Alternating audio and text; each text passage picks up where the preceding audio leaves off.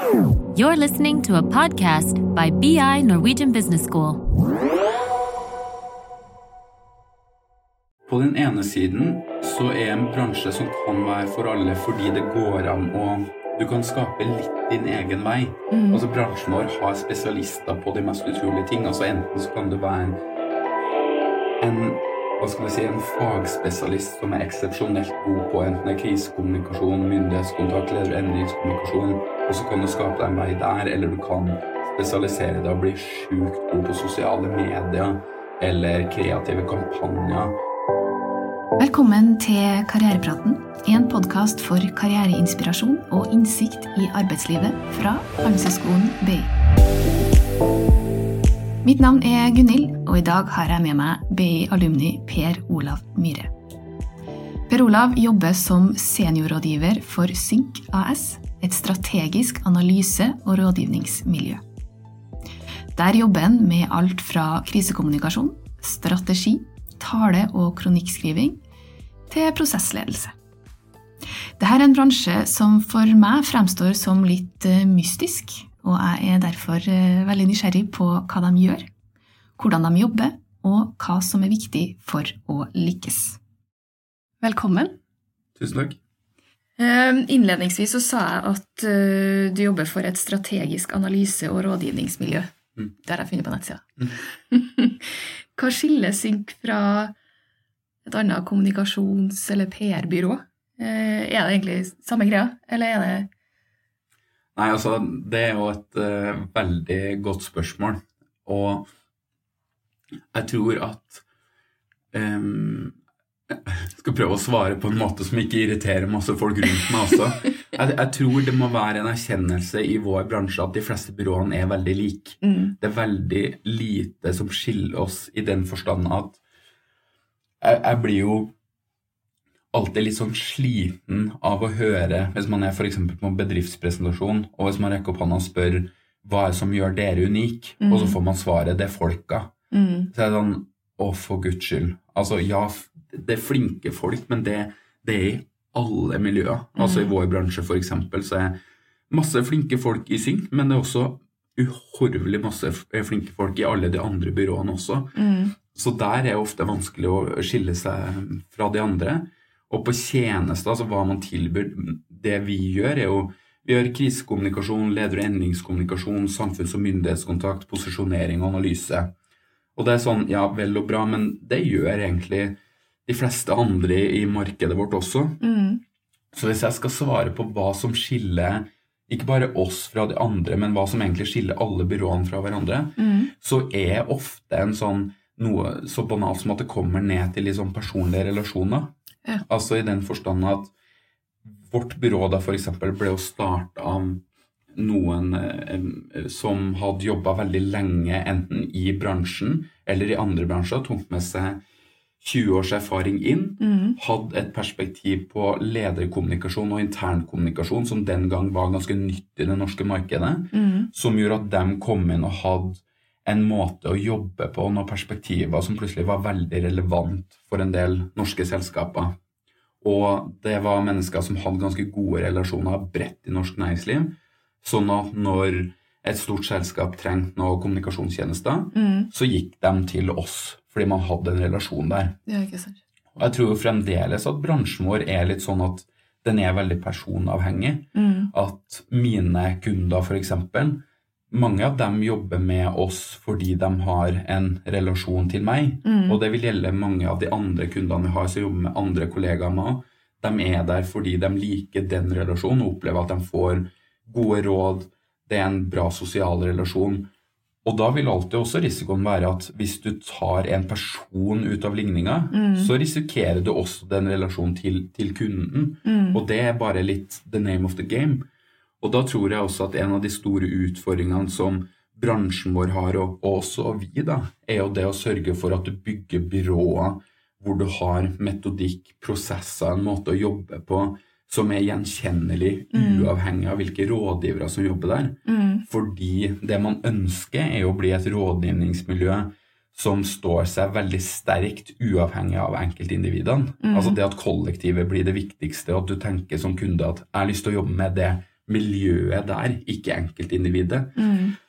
Så jeg tror at det som skiller gode byråer fra ikke mindre gode engang, men, men ja, de beste fra de gode byråene i bransjen vår, Mm. er jo de som både klarer å dyrke veldig gode eh, personlige relasjoner, hvor du over veldig lang tid beviser at er den riktige rådgiveren for dere, Mm. men som parallelt med det klarer å drive veldig sånn god metodikkutvikling, hele tiden være opplest på det nyeste innenfor fagfeltet, Mm. sånn at du kan ta med ut til kunden og, og være en utfordrer da, og gi de beste rådene.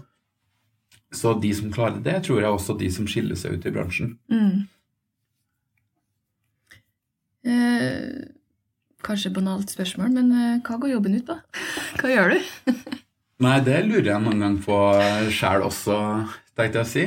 Altså det å være altså Min stillingstittel nå, seniorrådgiver, er jo noe som forteller veldig lite, fordi den rommer veldig mye. Mm. Sånn grunnleggende sett så ligger jo at jeg skal være en rådgiver for våre kunder. Mm. Og det kan være i alt fra store til små spørsmål. Altså Det kan være hvis en kunde har en krise og trenger hjelp til krisekommunikasjon, så Mhm. skal jeg komme inn og gi råd om ok, hvordan håndterer du det her best. Eller det kan være at en ny kommunikasjonsstrategi skal legges. At jeg da kommer inn og gir råd på ja, hvordan, hvordan utforme denne strategien. Hva er målgruppene dine? Hva er budskapene dine? Osv. Så, videre. Mm. så jeg tror hverdagen min består jo på den ene siden av den typen oppgaver, hvor man gjerne sitter overfor bordet eh, fra hverandre og bare gir råd, har en Mm. samtale om ting. Du kan ta opp ja, vi syns det her er vanskelig nå, hva tenker du om det? Og at man gir råd basert på det. Og så den andre delen av det er veldig sånn operativ. Altså det kan være å Jeg skriver veldig mye, f.eks. eksempel Enten det er strategier, eller det kan være taler, eller det kan være kronikker. Det er veldig mye sånn tekstproduksjon. Mm. Og så er en del av det som også går mye på kall det prosessledelse, i mangel av et bedre ord. Altså det igjen da, Hvis det skal utvikles en strategi, og det arbeidet skal skje over to måneder, Mm. Så er man gjerne ansvarlig da for å lede noen workshop med kunden, ta imot masse innspill, bearbeide dem, lage forslag, ha nye workshops, og er rett og slett den som er ansvarlig for å holde i prosessen og det å, for at man skal klare å komme ut med et konkret utkast helt på slutten. Mm. Så det er jo en sånn jobb som jeg fremdeles sliter egentlig med å forklare til noen, for at det er litt sånn, er sånn wishy-washy også. Ja. Det er mm, noen oppgaver som er enkle å forklare, men storparten av hverdagen min er litt sånn jeg vet ikke, jeg drar på jobb, og så gir jeg noen råd, og så produserer jeg noe. Det, det, det er både så, så lett og så vanskelig som det, tenkte jeg å si. Ja, ikke sant. Men hva, hvilken kompetanse eller egenskaper er det som kreves da for å gjøre det her, og hvordan har du lært av det gjennom et langt liv? Eh, ja Eller ikke så langt, men Litt langt. litt langt. Nei, jeg, jeg vet ikke. Jeg har tenkt litt på hva som egentlig kreves for å lykkes i vår bransje, og jeg tror jo at svaret er jo, kan du si, dessverre at det, det er ikke noe sånn fasit på det. Litt fordi at det finnes veldig mange forskjellige typer rådgivere i vår bransje også. mm. Noen spesialiserer seg jo på noen fagområder, f.eks. Mm. Du har noen som er eksepsjonelt dyktig på krisekommunikasjon, som bruker mange år på En ting er å skjønne metodikk og sånt, men i en krise så handler det jo om at du må, du må være litt sånn den personligheten også som klarer å komme inn og hjelpe til deg. Mm. Så, og der vil det jo kreve at du er et menneske som har et litt kaldt hue, klarer å tenke metodisk og prosessuelt i en, i en situasjon hvor mange andre har panikk. Mm. Der er en del sånne type ting som kreves. Og for andre så er jo noen spesialiserer seg på sosiale medier, f.eks. At det de kan kjempegodt, er Mm. hvordan algoritmen på LinkedIn fungerer. Sånn at du klarer å få innlegg som, som når ut til flest mulig folk. Mm. Så du har den typen spesialiseringer som, som er veldig langt fra hverandre, men som også gjør at det er rom for mange typer personligheter. Mm. Jeg tror i min rolle, som er litt sånn Nå har jeg nesten til det kjedsommelige blitt kalt eh, potet i eh, de siste åtte årene. Og det er jo fordi at jeg jobber med egentlig alle de tjenesteområdene som vi har, og veldig mye forskjellige oppgaver. Mm. Og der tror jeg jo at det er noen sånn grunnleggende ting jeg mener må, må være på plass. Det, det første det må være en sånn nysgjerrighet som ligger i bånn. Fordi For min del så jobber jeg med såpass mange ulike problemstillinger, næringer og kunder, at hvis du ikke har en nysgjerrighet, så kommer du aldri til å lære deg de ulike sektorene f.eks. godt nok til at du kan være en god rådgiver. Og det går jo tilbake til et tidligere poeng også om at det vi til syvende og sist selger, er kunnskap. Idet vi slutter å ha kunnskap om noe som kunden vår er interessert i, så er du også totalt irrelevant som rådgiver. Mm. Så jeg opplever at du må være hele tiden på hugget på å prøve å lære deg nye ting. Så jeg tror jo at sånn ett hvis man kan kalle det et sånn råd, da, hvis man skal ha med seg noe inn i bransjen vår, så er det å være nettopp en litt sånn svamp på mm. kunnskap og informasjon. Det å være flink til å prate med folk, lese, holde seg oppdatert på nyheter, sånn at du hele tiden har påfyll av hva er det som skjer nå, hva er det som rører seg. Det å skjønne du må skjønne litt historie, du må skjønne litt økonomi, statsvitenskap, politikk. Mm. Du må skjønne alle de her tingene hvis du skal klare å være en effektiv rådgiver. Fordi veldig mye av de rådene som vi sitter og gir, de, de må ta hensyn til alle de her tingene. Mm. Og så tror jeg at det er en sånn Det kommer til å høres fryktelig banalt ut, men lær deg å skrive godt. Mm. Og det en sånn Skulle man tro at alle i vår bransje kan skikkelig godt, men, men det er ikke tilfellet. Altså det å ha en god penn hvor du evner å sette deg ned og skrive noe som ikke bare er grammatisk riktig, altså det er litt sånn, det må bare være der. Men det at man klarer å skrive engasjerende, mm. det å klare å formidle komplekse ting på en engasjerende og enkel måte, det er en sånn helt uvurderlig egenskap. Mm. Så det å legge en del innsats i å bli flink på det, det tror jeg er også noe som man kan få veldig mye ut av i vår bransje. Mm. Dere er jo, det er jo en veldig stor bredde i det dere skal levere på. Så hvor mye kunnskap må dere ha om hver enkelt bedrift dere jobber med? Jeg tror det, det er bare et spørsmål om hvor bra rådgiver du har tenkt å være for den bedriften du jobber med. I den forstand at noen oppgaver kan du jo ha litt sånn Kall det overflatekunnskap. Du må skjønne problemstillingen, mm. men du trenger ikke å skjønne den veldig dyptgående for å kan gi råd på det, fordi oppgaven krever mer at du f.eks. skjønner ja, hvordan man jobber med strategi. da, At det er viktigere enn at du skjønner en sånn veldig konkret problemstilling. Mm. Men jeg tror erfaringen er at hvis du skal jobbe med en kunde over veldig mange år og være en god rådgiver, så må du faktisk skjønne det de holder på med, sånn helt grunnleggende. Mm. Du må skjønne hvilke utfordringer som står overfor bransjen deres, hvordan er selskapet skrudd sammen, hva er prioriteringene deres, strategien deres, hvordan opererer ledelsen deres. Så ikke skjønner de tingene, så, så blir du en litt sånn overflaterådgiver som bare kan gi råd på de veldig overordna tingene. Så jeg mm. tror at uh, hvis du skal være um, I alle fall de tingene du skal spesialisere deg på, der må du bare skjønne veldig godt. Mm. Men um, hvordan jobber dere med bedriftene? da? Har de en agenda som dere da jobber ut ifra? Eller er det dere som leverer si, sannheten mm. til dem? Det, det, er litt forskjellig og basert altså fra oppdrag til oppdrag. Noen ganger så kommer jo kundene til oss med en veldig klart definert problemstilling. Mm. Vi trenger hjelp til å løse akkurat det her. Og noen ganger så er det mer en sånn kall en mer overordna problemstilling. Det kan gjerne være at et selskap kommer til oss og sier at vi i vår sektor ser at det skjer såpass med endringer at om fem til ti år så kommer vår sektor til å se helt annerledes ut. Og vi er usikre på hva vi skal gjøre for å være ledende eller en av de som er premissgiverne i vår sektor den, på, på, det tidspunktet. Vi har lyst til å starte en prosess på det. Kan dere bistå oss? Så det er litt sånn forskjellige tilnærminger til det. Jeg tror at det vi ofte prøver å gjøre i mange av prosjektene våre, er jo også det å være en utfordrer. Mm. Ja, vi sier jo som oftest ja til å hjelpe til.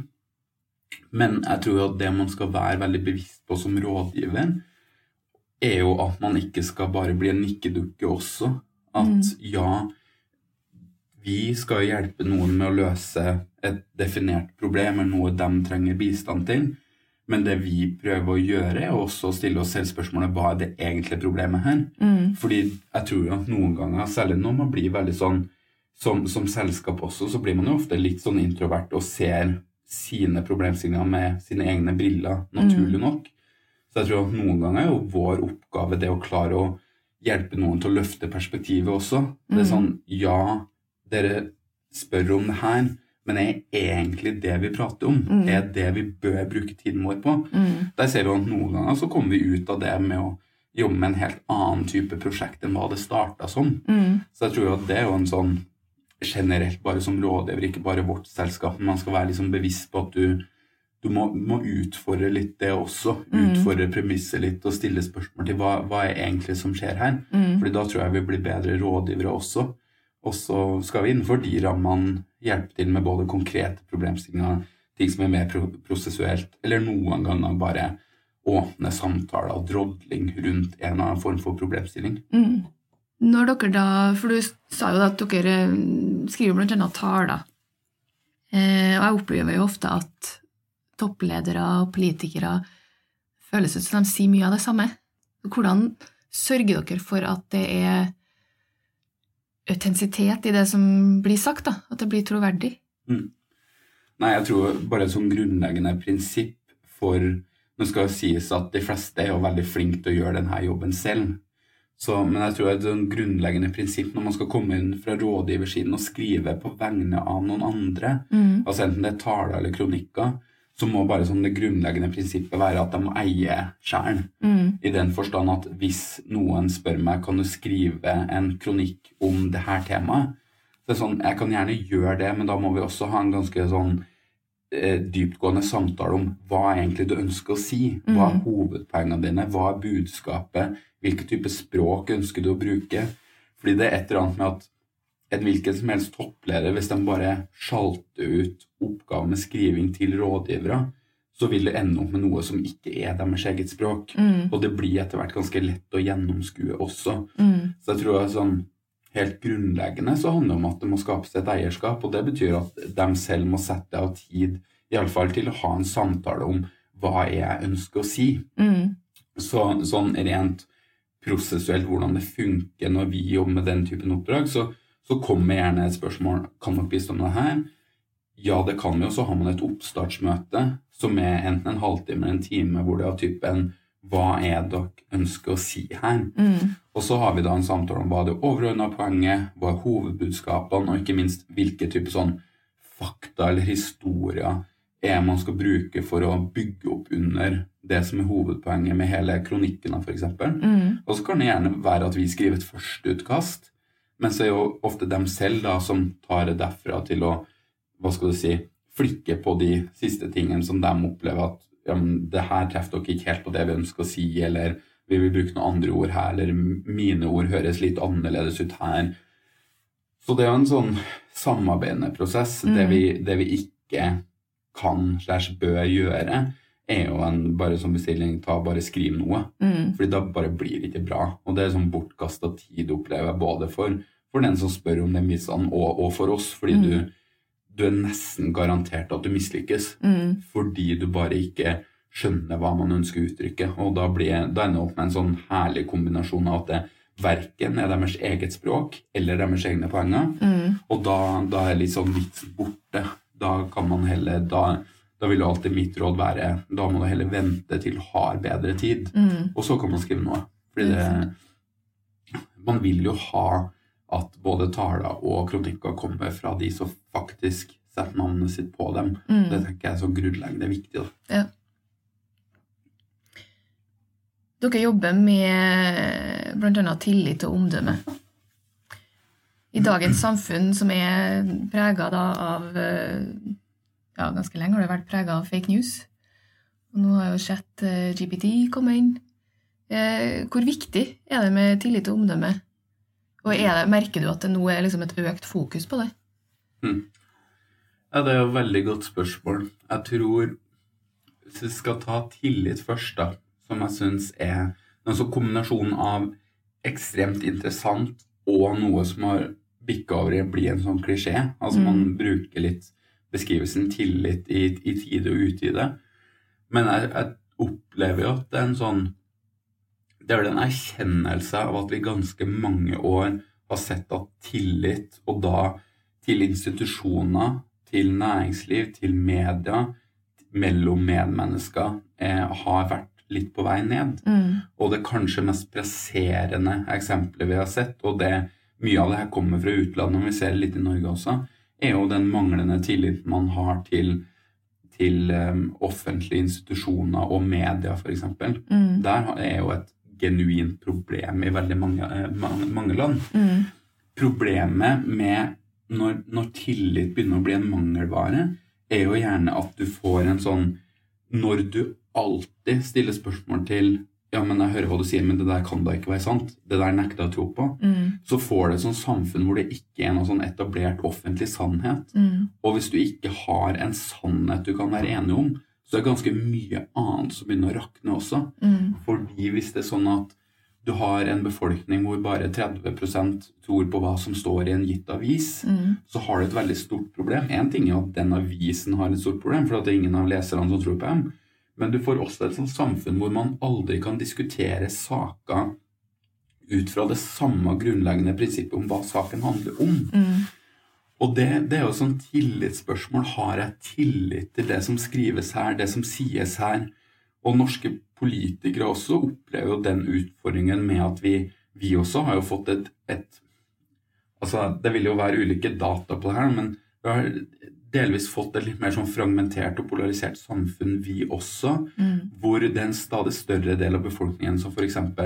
ikke har tillit til hva den sittende regjeringen eller den forrige regjeringen sier og gjør. Mm. Og det er, sånn, det er jo ikke det at man skal bare underkaste seg enhver sånn politisk mening eller beslutning sånn blindt, men det er noe med at vi er nå en gang satt opp sånn, styremessig, samfunnet vårt er satt opp på en sånn måte at det er jo politikerne som både skal, skal De skal ta noen beslutninger på vegne av fellesskapet. Mm. Og hvis vi blir veldig mange som ikke har tillit til de beslutningene som tas, så skaper jo det en viss form for sånn uro, kaos og motsetninger i samfunnet som gjør at det blir eh, Det får en del uheldige effekter. Mm.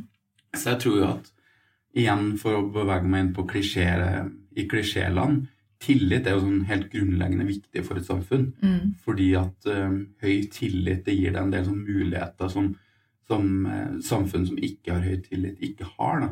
Det tror jeg Norge vi nyter fremdeles veldig godt av å ha. Selv om man her også har litt sånn utfordringer til det, så har vi jo fremdeles høye tillitsnivåer til institusjoner, til media, til hverandre, til næringsliv. Og det gir oss en del muligheter. Du kan styre samfunnet litt mer effektivt.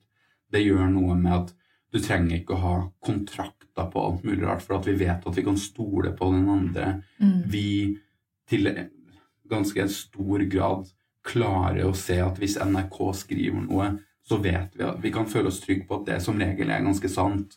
Det gjør noe med måten vi kan både prate med hverandre på, måten Mm. vi kan forholde oss til hverandre på. Det er bare sånn grunnleggende viktig. Så, så den sånn tillit, det er noe man skal Det er veldig skjørt, så det skal ivaretas på en god måte for at det ikke skal forvitre. Mm. Og der har vi alle et ansvar, altså både fra, helt fra politikken nede på, på individnivå. Den skal forvaltes godt, for hvis ikke så får du en del uheldige konsekvenser med USA vil jo alltid være litt sånn skrekkeksempler nå de siste årene på, Mm. på hva den eh, manglende tilliten gjør med et samfunn. Mm.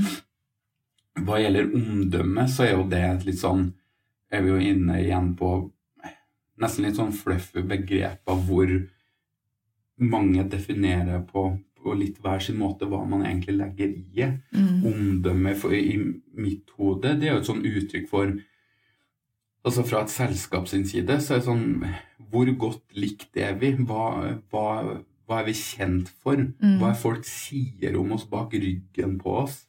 Hva er vi oppfatta som ute i det store samfunnet? Og det gjelder jo også privatpersoner. Hvilket omdømme har man i lokalomgivelsene sine eller på, på arbeidsplassen sin?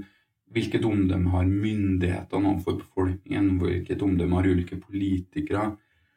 Og så omdømme i mitt hode handler jo ofte om også hvilket handlingsrom du har til å gjøre hva du vil. Mm. Bedrifter med et veldig godt omdømme, der vil jo gjerne vi som befolkning, forbrukere, politikere, la tvilen komme dem til gode litt oftere Mm. enn et selskap som har veldig dårlig omdømme. Mm. Altså omdømme i seg selv er jo én ting, men det er sånn konsekvensene av dårlig eller godt omdømme Mm. som er det interessante. Mm. Så jeg tror jo at en, av de, en av de tingene som kommunikasjon og strategi gjør, er jo å potensielt skal hjelpe til med å styrke omdømmet. Mm. Og så må det omdømmet jo et litt sånn Det må komme som et resultat av at du genuint gjør bra ting. Det er jo substansen som teller, ikke kommunikasjon og omdømme på toppen av det. Men kommunikasjon kan jo hjelpe deg med å få fram hva man faktisk gjør. Mm. For jeg tror jo ofte at det er også en, en del av problemstillinga for, for en del selskaper, f.eks. At du må, du må klare å formidle hva er vi faktisk står for, hva gjør vi, hva tror vi på, og så må du etterleve det i hverdagen. Mm. Så vil jo det over tid også skape et godt omdømme som gir deg en sånn Kall det en sånn tillitskapital da, Mm. som du kan benytte deg av Mm. til ulike formål.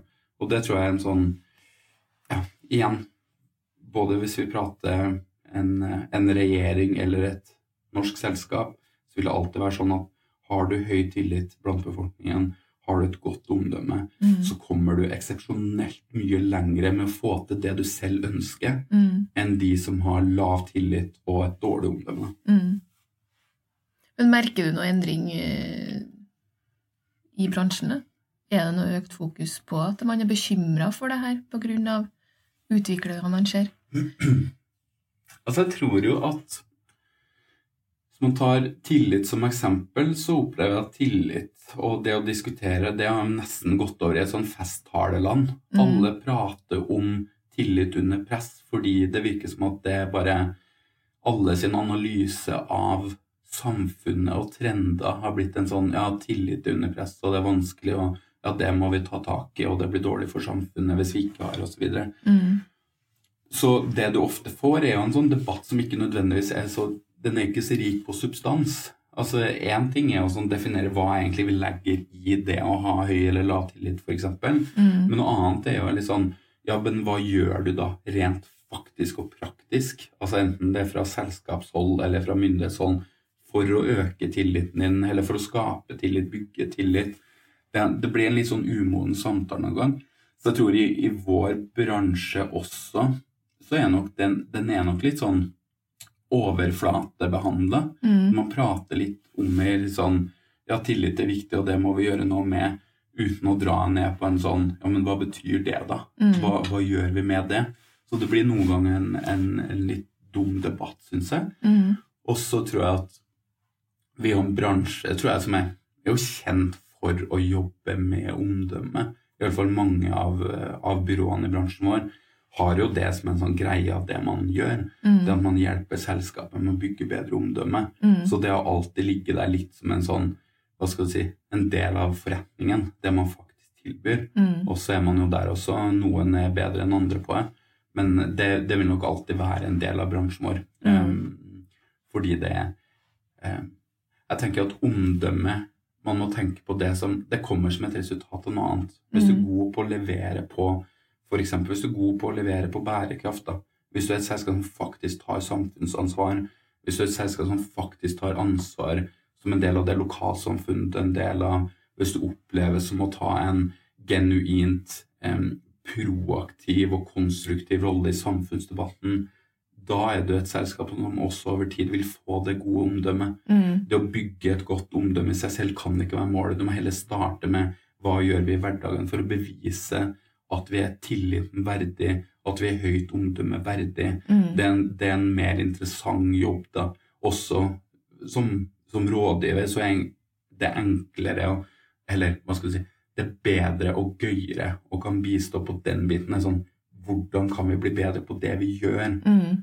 For å en gang kanskje få høyere tillit og bedre omdømme Mm. enn å starte i Hei, kan du hjelpe oss med å bygge bedre omdømme? Fordi det er litt sånn ja, det, Du starter i feil ende, da. Ja, ikke sant. Det er veldig spennende å høre om den bransjen her. Eh, kan veldig lite om det fra før. Men tenker du at det her er, er det en bransje for alle? Nei, det vil jeg ikke si. Og så tror jeg jo det er sikkert svaret jeg ville ha gitt på, på en hvilken som helst bransje. Jeg tror på den ene siden så er en bransje som kan være for alle fordi det går an å Du kan skape litt din egen vei. Mm. Altså Bransjen vår har spesialister på de mest utrolige ting. Altså Enten så kan du være en hva skal du si, en fagspesialist som er eksepsjonelt god på enten det er krisekommunikasjon, myndighetskontakt, leder- og endringskommunikasjon, og så kan du skape deg en vei der, eller du kan spesialisere deg og bli sjukt god på sosiale medier, eller kreative kampanjer. Så det er veld, veldig mange veier der. Og så kan du også bli en fagspesialist på den måten at du f.eks. kan eksepsjonelt mye økonomi eller politikk, altså samfunnsvitenskap, som gjør at du kan bli en rådgiver gjennom den veien. Mm. Eller hvis du interesserer deg veldig for EU, eh, geopolitikk, det er jo en sånn form for kunnskap som er veldig relevant i mye av den rådgivningen, vi gjør også. Mm. Så det er jo på den måten veldig mange forskjellige innganger.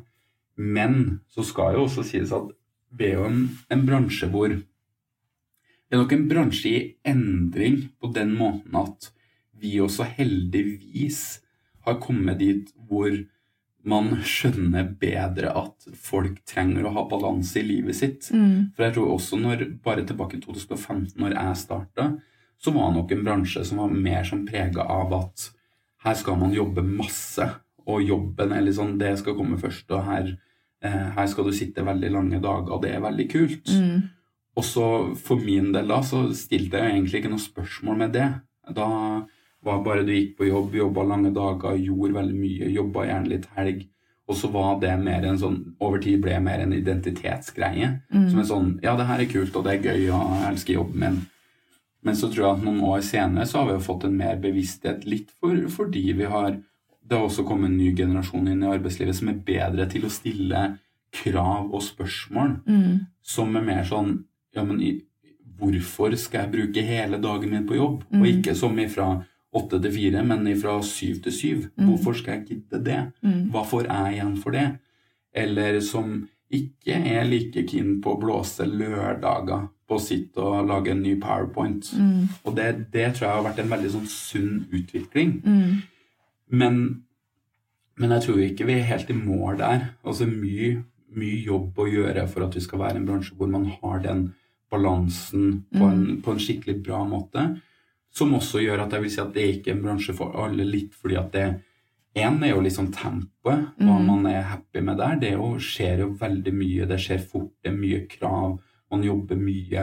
Det er litt sånn, sånn, sånn er bare. Mm. Og også litt eh, til det med Du har hele tiden veldig mange som stiller krysskrav. Mm. Altså du har en arbeidsgiver i byrået, men så har du også ofte veldig mange kunder som stiller krav til deg. Mm.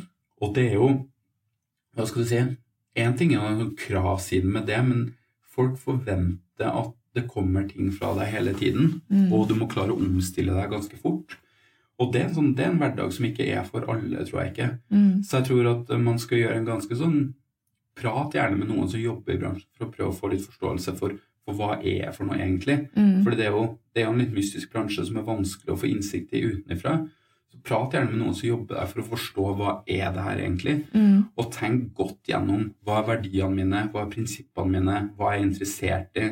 Fordi da det gir deg en litt bedre rettesnor på om det er en bransje for, for deg eller ikke. Da. Mm. Ja, og da er du litt inn på mitt siste spørsmål. Har du noen tips til enten studenter eller andre nyutdanna som eh, ønsker seg inn i denne bransjen, eller som ønsker Mm. en lignende karrierevei som deg? Altså, godt spørsmål. Jeg endte jo litt tilfeldig opp i bransjen selv, men jeg tror et råd vil jo være å før man søker seg dit, prøve å få litt innsikt i hva er f.eks. et byrå, hva de egentlig driver med. Hvordan Mhm. ser hverdagen ut? Hvilken type ledelse er der, For det er ofte veldig viktig. Hvilke tjenester er som er der? Hva kan jeg jobbe med hvis jeg kommer inn? Det å gå inn og ta et inform, informert valg, det tror jeg er sånn grunnleggende viktig. Mm. Istedenfor å bare søke på en, en utlysning. da heller å se om er noen jeg kan prate med her for å få mer innsikt i hva det er. Mm. Så tror jeg to at eh, ta også prøve å tenke litt gjennom sånn hva er jeg faktisk syns er gøy å jobbe med.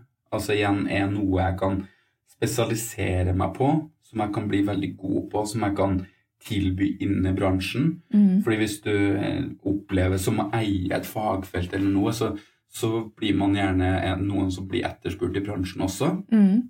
Så det tror jeg er litt viktig å tenke gjennom hva jeg egentlig jeg kan bidra med, og prøve å rendyrke det. Og så tror jeg det, det siste jeg kan si, er en sånn vær, vær nysgjerrig og, og liksom åpen for alt av kunnskap, input, samtaler, hvor du kan få med deg Skjønne kontekst, skjønne politikk, skjønne litt hva som skjer i samfunnet rundt deg.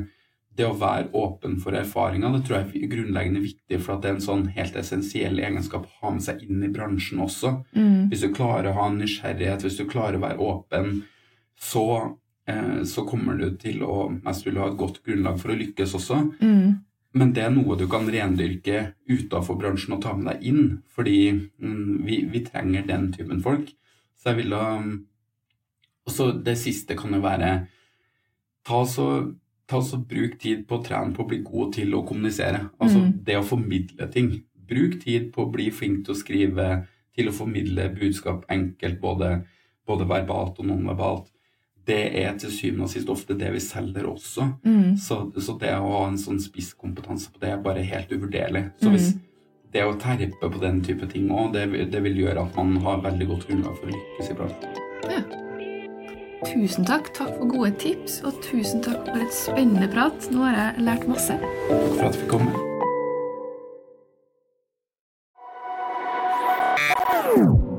This is a BI production. Listen to more podcasts go to bi.no slash podcasts.